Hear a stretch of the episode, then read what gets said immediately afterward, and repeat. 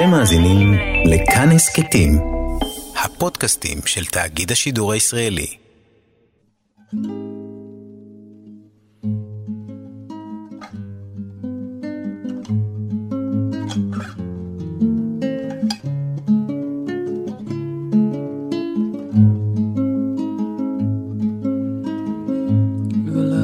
Sun? Who cares that it makes plants grow? Cares what it does since you broke my heart? Who loves the wind? Who cares that it makes breezes? Who cares what it does since you broke my heart? Ba ba ba ba. Who loves the sun? Ba ba ba ba.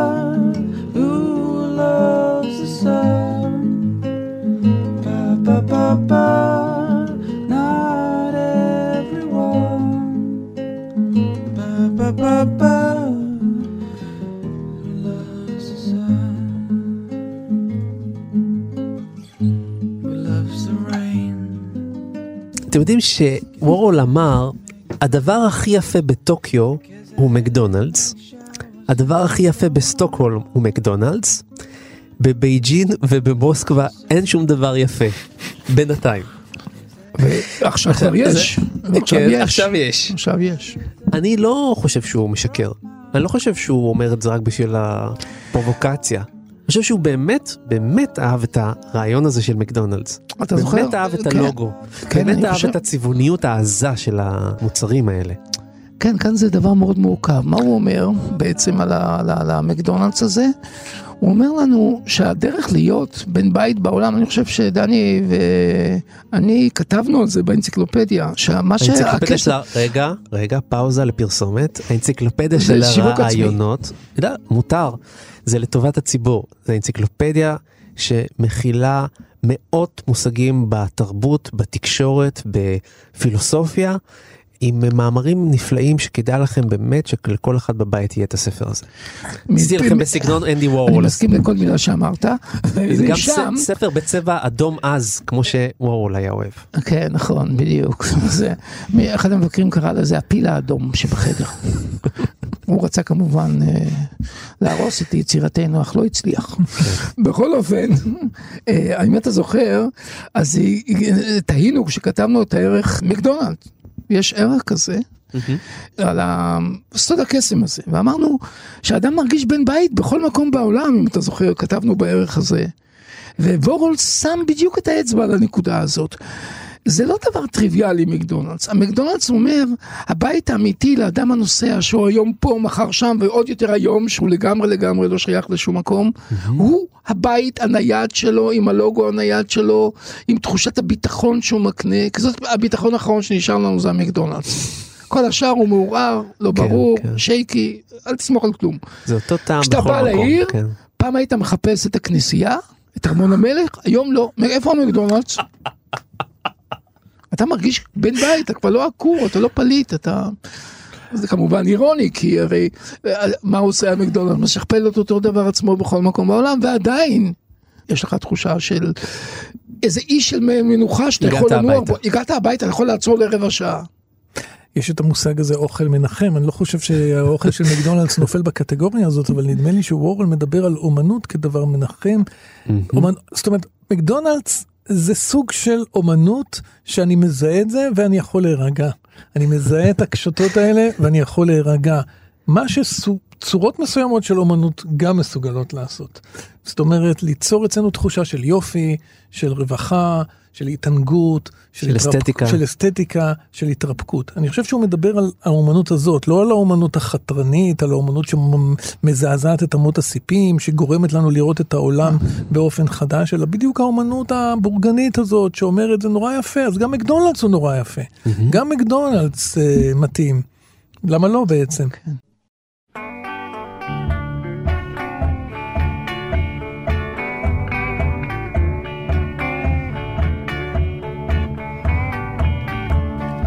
Some kind of love. A margarita total. Between thought and expression lies a lifetime. Situations arise because of the weather, and no kinds of love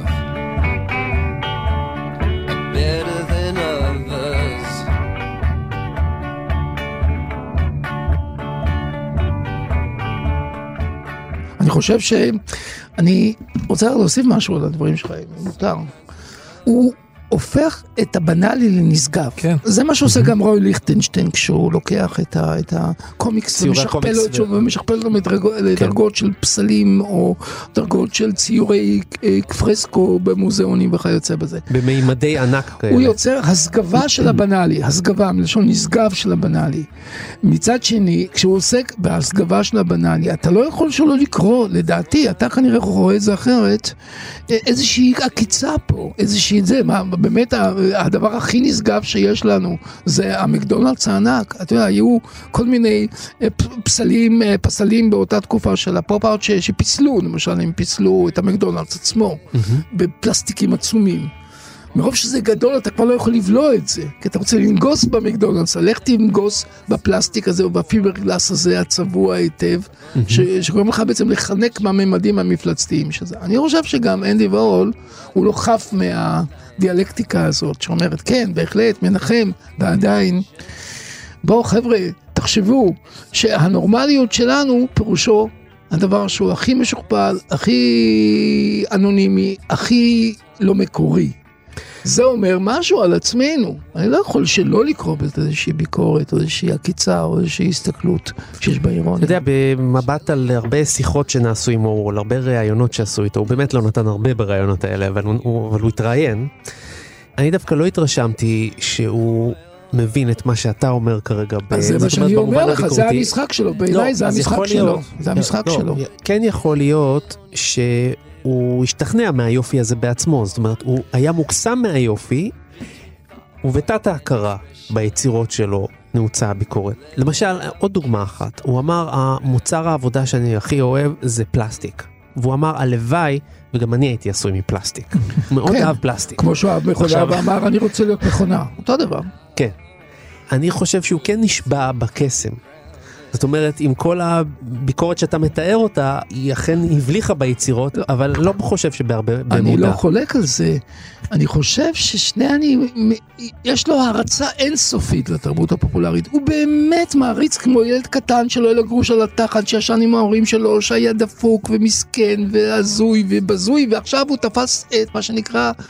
את אלוהים בביצים. של- בביצים של הקפיטליזם, של הזוהר, של ההוליווד, של הכסף הענק ש- שהתחיל לזרום לתוך הכיסים שלו. תעשייה שלמה. זה היה בזה איזושהי ישועה מבחינתו. ואיזה סוג של התגלות, התגלות של הקסם, התגלות של הכסף. ומצד שני, כש- כאשר בן אדם עונה ומתראיין ככה ועושה את עצמו לאידיוט מושלם, אני לא יכול שלא לקרוא אותו קצת באירוניה, כלומר קצת ממודעות אירונית. ושני הדברים לא סותרים זה את זה, ישנו הילד הזה שרוצה בעצם לרכוש לעצמו את כל הצעצועים הקפיטליסטיים שלא היו לו אף פעם כשהוא היה קטן בפיטסבורג. פיטסבורג אגב, זכור, יש שיר נהדר ללו ריד, ומה כבר יכול לצאת מאדם שנולד בפיטסבורג? כאילו הדבר הכי טוב מפיטסבורג זה הדרך לניו יורק, וזה בדיוק מה שהוא עשה מגיל, אני יודע, 20, 19. לקח את המ- את המקל שלו ועזב את פיטסבורג. זה מה שעשה בוב דילן, שעזב את, אה, את אה, מינסוטה, הדפוקה, כאילו, המידווסט וכיוצא בזה, והתחיל להפליג לניו יורק. אין מה לעשות. האנשים חיים מורכבות מסוימת. זה לא חד משמעי. וכאן אני כן מתחבר למה שאתה אומר. זה גם וגם, זה גם וגם. אבל זה לא רק ההערצה, וזה לא רק האישור של התרבות הקפיטליסטית, יש גם נימה נוספת, בין אם היא מודעת, בין אם היא לא מודעת. אני חושב שהיא יותר מודעת מאשר לא מודעת.